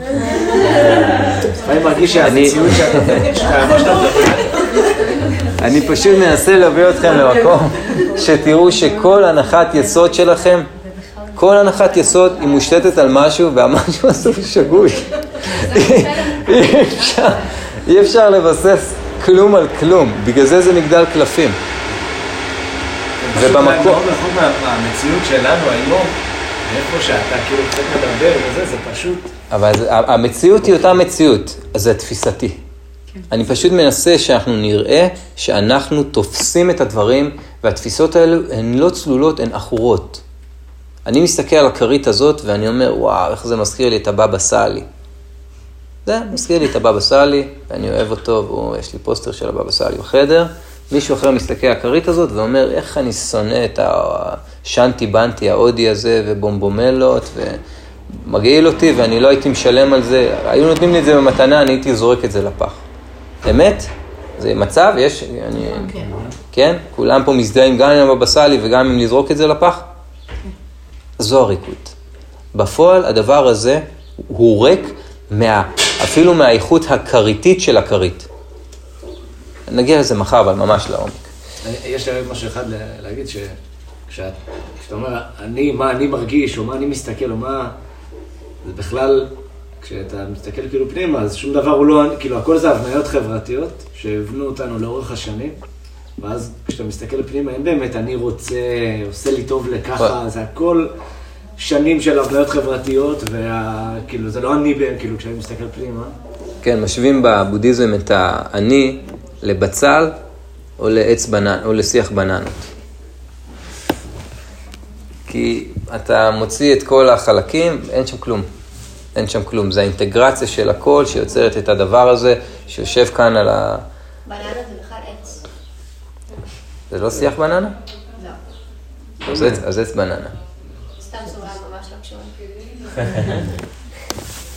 זה רק בתפיסה שלך, זה בכלל לא עץ, בדיוק. זה גם לא מעניין. תודה רבה. אמרתי לכם שהבודות נמצאות כאן. התעורר הרגע, בוא, הביא פאנץ'. יפה. זהו, סיים את הריטריט. אמ, תודה על זה.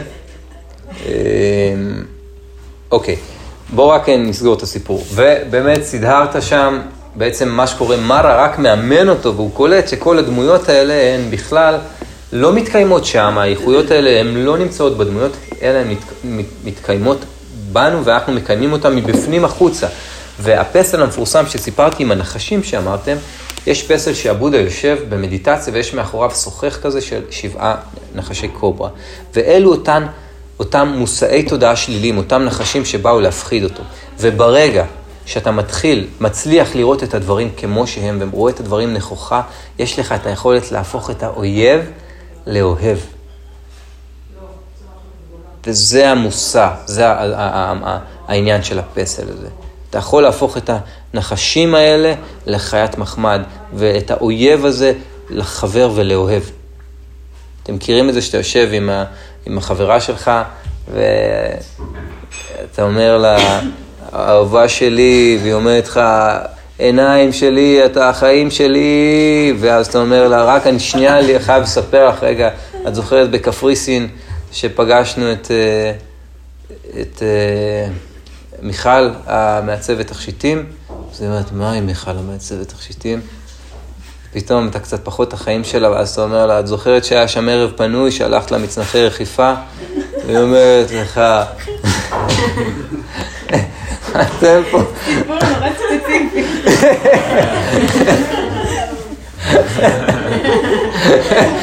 ופתאום ברגע מחיים של הכפרה שלי, אתה עובר לתמות! אנחנו גרזנים וקרמיקה ו... הגבול הדק, ואנחנו פתאום קולטים את אותה ריקות. אז בפעם הבאה שאתן קוראות לבן זוג שלכם, אהבה שלי בלב, חיים של הכפרה, תזכרו טוב טוב מה היה בקפריסין. זה המוסר הסכם לסיפור עבודה. טוב, אז... אוקיי. אז רגע לפני שתלכו ותגידו שזה מה שלימדנו אתכם לא לעשות מצנח רכיפה בקפריסין. חבר'ה, המוטיב שלנו זה בננות בקפריסין. טוב, אז, אז הבודה שם, ממש בתור איזה אקט של, של, של ייאוש, ככה ניסיון אחרון, מרה אומר לו, טוב, שים לב, אלה, כל אלה, כל הדמויות האלה, היצורים המפחידים, והאנשים המתוקים, והרקדניות, והנשים שלי, והבנות שלי, והמפלצות האלה, והרעים האלה, והנאצים האלה, והמחבלים האלה, הם כולם העדים שלי לכישלון הזה שלך, לזה שאתה בכלל סתם איזה בן אנוש שהוזה הזיות ומדמיין דמיונות, והכל שווא. ומי העד היחיד לקיום שלך? הוא אומר לו שזה... והוא שואל אותו, מי העד היחיד לקיום שלך? מי העד? מי עד לזה שאתה בכלל קיים?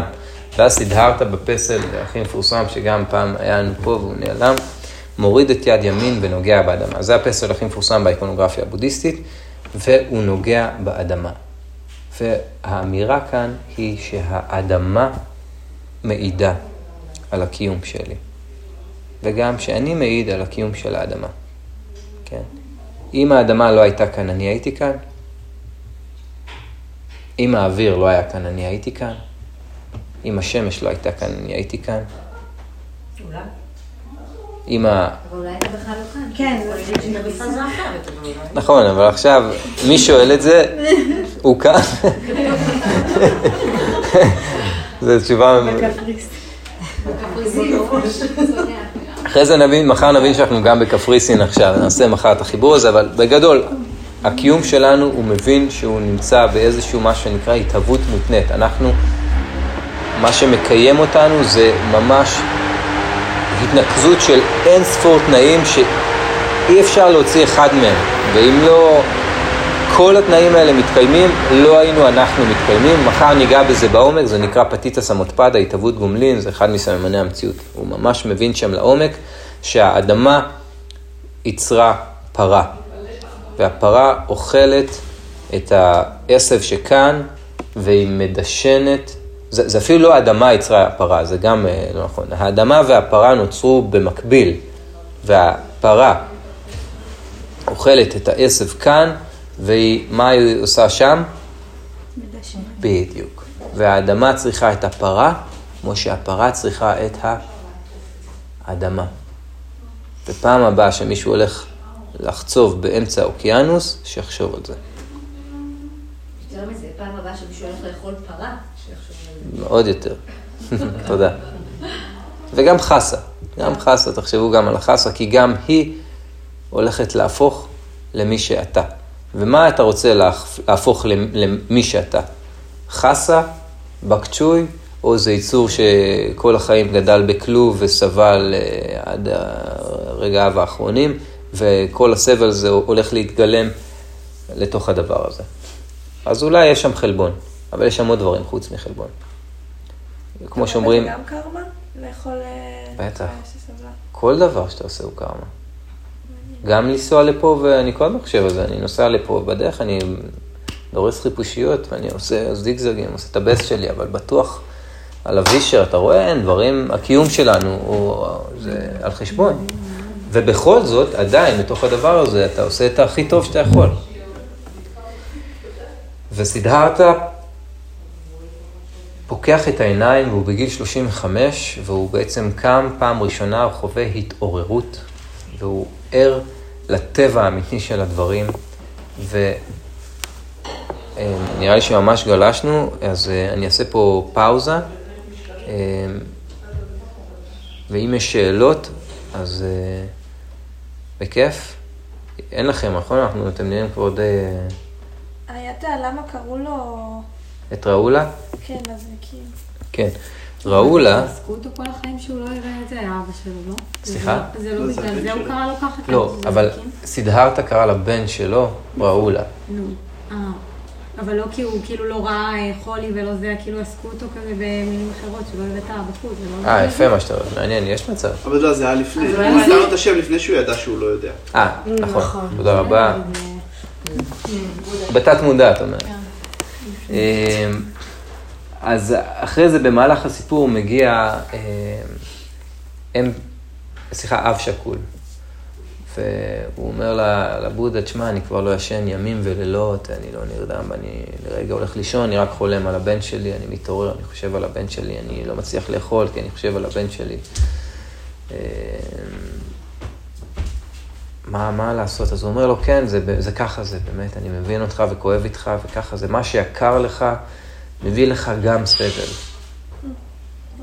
וככל שמשהו יותר יקר לך, הוא יכול להביא לך יותר סבל. ככל שאני יותר אוהב את דני, ככה יותר קשה לי, הפרידה. כן. וצריך לראות גם את הדבר הזה. בסיפור, האבא אה, ממש מתרעם והוא הולך ומספר את זה ל- לברהמינים והם כועסים והולכים ומספרים את זה לנסיכה והיא כועסת ובאה בעצמה ואז לבודה והוא אומר, כן, תראי את הממלכה הזאת, את אוהבת אותה? אז היא אומרת לו, כן. ואם היא תישרף, תביא לך סבל? כן, נכון. ובעלך, את אוהבת אותו? כן. ואם יקרה לו משהו, סבל? כן. ופתאום היא מתחילה לראות את זה, ואז היא הולכת ומספרת את זה לבעלה, והוא מתרעם, ואז היא מתחילה, לה- היא מתחילה להגיד לו על הממלכה ומה קורה אם הוא נשרף, ואז באמת באיזו חוכמה נשית, אחרי שהיא עוברת ככה סיפור ארוך וחסר פואנטה, בסוף היא אומרת, ואני, אתה אוהב אותי? כן. כמה אתה אוהב אותי? הכי בעולם? כן. אני החיים של הכפרה שלך? כן. ואם יקרה לי משהו, זה יביא לך סבל? כן. ומהמקום הזה, הבן שלו נקרא ראולה. כי ככל שמשהו יקר לך יותר, ככה אתה גם קשור אליו יותר, והפוטנציאל סבל שם הוא גדול יותר. מחר נשמע על ארבע המיטות הנאצלות, ונצלול לתוך האמת השנייה שם, אל מה שנקרא מאפייני המציאות. ואז נקבל טיפה יותר, עוד כמה פרספקטיבות על הדיון שהיה היום, נמשיך אותו. אז תודה רבה, ואם יש שאלות, אתם מוזמנים ככה ב... עד, ה... עד האוכל. תוך כדי שאתה מדבר, אני אומרת, זה מדהים, כאילו כל התורה הזאת היא צמחה, אתה יודע, בהודו. ואתה מסתכל על התיאוריה האדלריאנית, שהוא בכלל אוסטרי, וזה ממש... איזה, איזה. תיאוריה? האדלריאנית, אדלר. אוקיי, לא מכיר. הוא אומר, אז הוא, הקונספט הוא אותו קונספט, שהכל סובייקטיבי והכל נתוני פרשנות. זאת אומרת, עוברים כולנו פה איזשהו אירוע, יושבים כולנו מדברים. הפרשנות שלנו למה שקורה מייצר אצלנו איזשהו רגש. הרגש הזה מעורר איזשהו מהלך, איזושהי התנהגות שלנו, וזה איזשהו מעגל. שכל פעם זה, זה על, אותו, אותו מעגל, וזה בדיוק מה שאתה אומר, כאילו שהכל סובייקטיבי, הכל נתון, וזה מדהים אותי איך זה מגיע מתרבויות שהן שונות לגמרי, שאדלר לא חקר בכלל את התרבות האסייתית, אה, ההודית, וצמח ממקום אחר, והם הגיעו לאותן אה, תובנות. הגיעו לזה באמת בכמה מקומות בעולם, ואגב, גם הבודה לא המציא את זה לגמרי מאפס, הוא התבסס על אה, מסורת יוגית, שממש עושה הבחנות מדהימות בקטע הזה, ממש.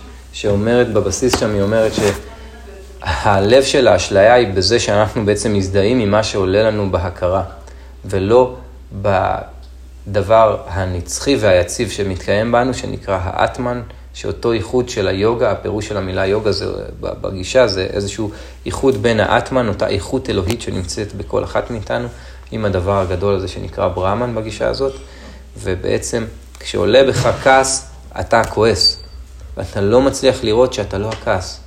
זה ממש ככה, ממש על קצה המזלג, אחת האשליות הגדולות ביותר, שאנחנו לא מצליחים לראות שאנחנו השמיים האלה, הריקים והשקופים שמכילים את מה שעולה, ואנחנו ישר מזדהים עם אותה איכות שעולה, ופתאום עולה בי אה, קנאה, אז אני מרגיש קנאי, ועולה בי אה, השתוקקות, אז אני, בהשתוק... אני ממש נמצא באיזושהי הזדהות עם מה שעולה, ואני מסתכל על משהו ומקבל איזושהי רפלקציה לגבי התודעה, ואז אני ממש מרגיש איזושהי השתייכות מסוימת, אני מרגיש שאני משהו מסוים ומוגדר מאוד, במקום לראות שהאני הזה שלי הוא משהו אחר לגמרי.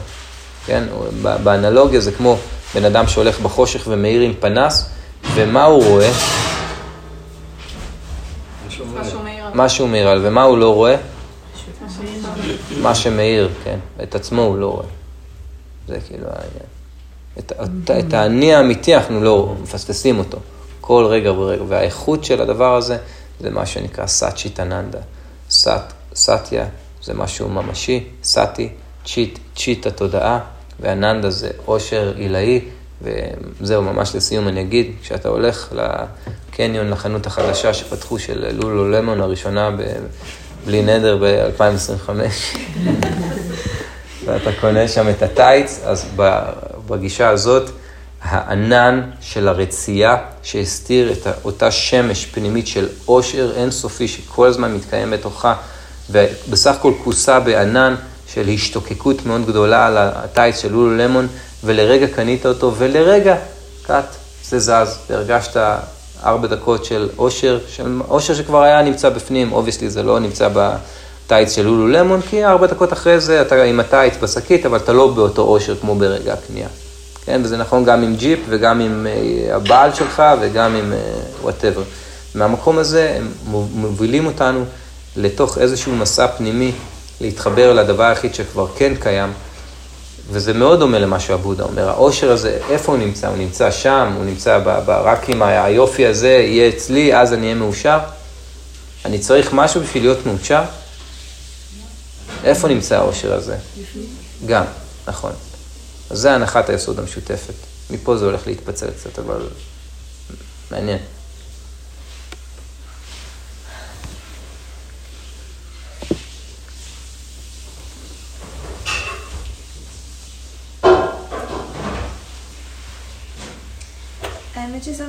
שבגל פיגועים האחרון שהיה, כל אחד כזה, הוא נכנס לי כמו קץ הלב, מסתובב, ואני לא מצליחה לתפקד יומיים.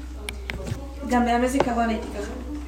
ואז ניסיתי כזה עם הטרילו לנסות להבין מה קורה שם. כי אומרת, יש לי שיטה ביד, יש לי כלי, בואי ננסה. והבנתי שאני כאילו משייכת את זה אליי, כשהייתי בדיזינגוף, ביום שהיה בדיזינגוף, הייתי שם והסתתרנו באיזה מלון, ו... אז אני אומרת, כאילו, מה שאמר לי בראש זה אם זה היה אימא שלי חלילה, אם זה היה אני, אם זה היה אחותי, החברה הכי טובה שלי. כמו שאתה אומר, ככל שהוא יותר יקר, יותר קשה. ואז שייכתי את זה אליי. וכששמתי לב לזה, אז הפיגוע האחרון באלעד, לא שייכתי את זה אליי, כי אמרתי זה שם. התייחסתי לזה אפילו כמו, זה בפלורידה. ולא, כאילו, הזדה... היה לי אמפתיה כלפי מי שהייתה איתי באותו רגע שכאבה. אבל לא הרגשתי את הנעיצה וההסתובבות של הסכין הזאת, ואת החוסר תפקוד יומיים, כי כאילו אמרתי, קרה, אמ, מזל שזה לא, שאני לא חווה את הסבל. כואב לי בכללי, כי זה שייך אליי באיזשהו מצב, אבל לא שייכתי את זה אישית לגמרי למצב של חוסר תפקוד. אבל יש כאן משהו שהוא יכול להיות בעייתי, כי כשאת אומרת שם בפלורידה זה סבבה, זה לשים פלסטר שהוא הוא מאוד אלים, והוא מאוד של נפרדות. כאילו שרק שזה קשור אליי. כן. זה כמו שכשפעם אחת אה, היה איזה תאונת מטוס, והיה 300 הרוגים במזרח, והיה שם איזה חייל אחד שהיה בטיול אחרי צבא, איזה משהו כהן אחד. ואימא שלי יושבת, והיא בוכה, ואני אומר לה, מה, מה אימא שלי, למה את בוכה? היא אומרת, כהן, הוא היה אחרי טיול צבא, ואני מדמיינת את אימא שלו, ואני אומר, ומה, עם 299... נפאלים שם שהיו, אני יודע מאיפה הם היו, מה איתם? אין, אה, הם סבבה, הם כאילו... יש, כן, צריך לשים לב לאופני הפעולה האלה. השאלה, כאילו, הפעולה שניסיתי לעשות היא להמשיך ביום יום שלי גם יום אחרי. כאילו, זה מה שרציתי קצת להרגיע. אמ, ואז כשהבנתי שזה נובע מהרגש, שהוא אומר לי כאילו, היי, זה אולי שייך אלייך, אז כאילו הבנתי שזה כזה קצת לא בריא לי. אבל מה לא שייך אלייך? אם מישהו עכשיו עושה מרק של עטלף בסין, זה לא שייך אלייך? זה שייך. אם יש לך את האחריות, כאילו אם זה לא שלי, אז כאילו אני צריכה להתעסק בזה. אבל יש איזשהו מנגנון הגנה, כי היא לא יכולה אה, לקחת את כל העול והעצב והכתפיים שלה. כן, ככה הרגשתי. יש איזשהו מנגנון הגנה פנימי, שזה לא משהו שאנחנו... זה בלתי אין בנו, נראה לי ככה. כדי לא להתרסק. פשוט המנגנון הגנה הזה הוא יוצר באמת חומות ונפרדות, ואז יש מצב שאתה יכול לעמוד בתור חייל, אני מביא דוגמאות קיצוניות, אני מתנצל, אבל חייל נאצי, ואתה, יש אה, מעבר של גברים ונשים בדרך לשם, ואתה, כן, אתה ממלא את התפקיד שלך, כי הם הם ואני אני. כן. ואז אתה מפספס את המציאות. ובאיזשהו מקום, הנה, זה הבן אדם שיושב ומכיל את כל העולם. כולו, גם אם קשה לו וגם אם קל לו וגם אם הוא עושה את זה באופן תודעתי, או לא משנה, זה, הנה, זו הסיטואציה, זה יושב פה, הנה, זה הבודה שיושבת כאן והיא חומלת את אלו ש, ש, שמתו, ועם עוד כמה מחשבות היא גם תחמול את הבן אדם שיצא לעשות את הפיגוע. והיא תראה שגם הוא, ההזדהות היא, היא לא רק איתם, היא גם איתו. יש מדיטציה שנקראת מטה, loving kindness. שאתה מתחיל אותה, אתה מתחיל אותה על הכי קל. על האנשים שקרובים לך ואתה הכי אוהב, ולאט לאט אתה מרחיק ומרחיק ומרחיק, עד שאתה מתחיל, מצליח לאהוב את כולם. כולם, כולם, כולם, ואיך אומרים הטיבטים? האויבים שלך הם המורים הכי גדולים שלך לחמלה. כי על מי תתרגל חמלה? על הבן שלך? זה קל. שם, עליהם. שם יש לך את ההזדמנות לשיעור הכי מסיבי.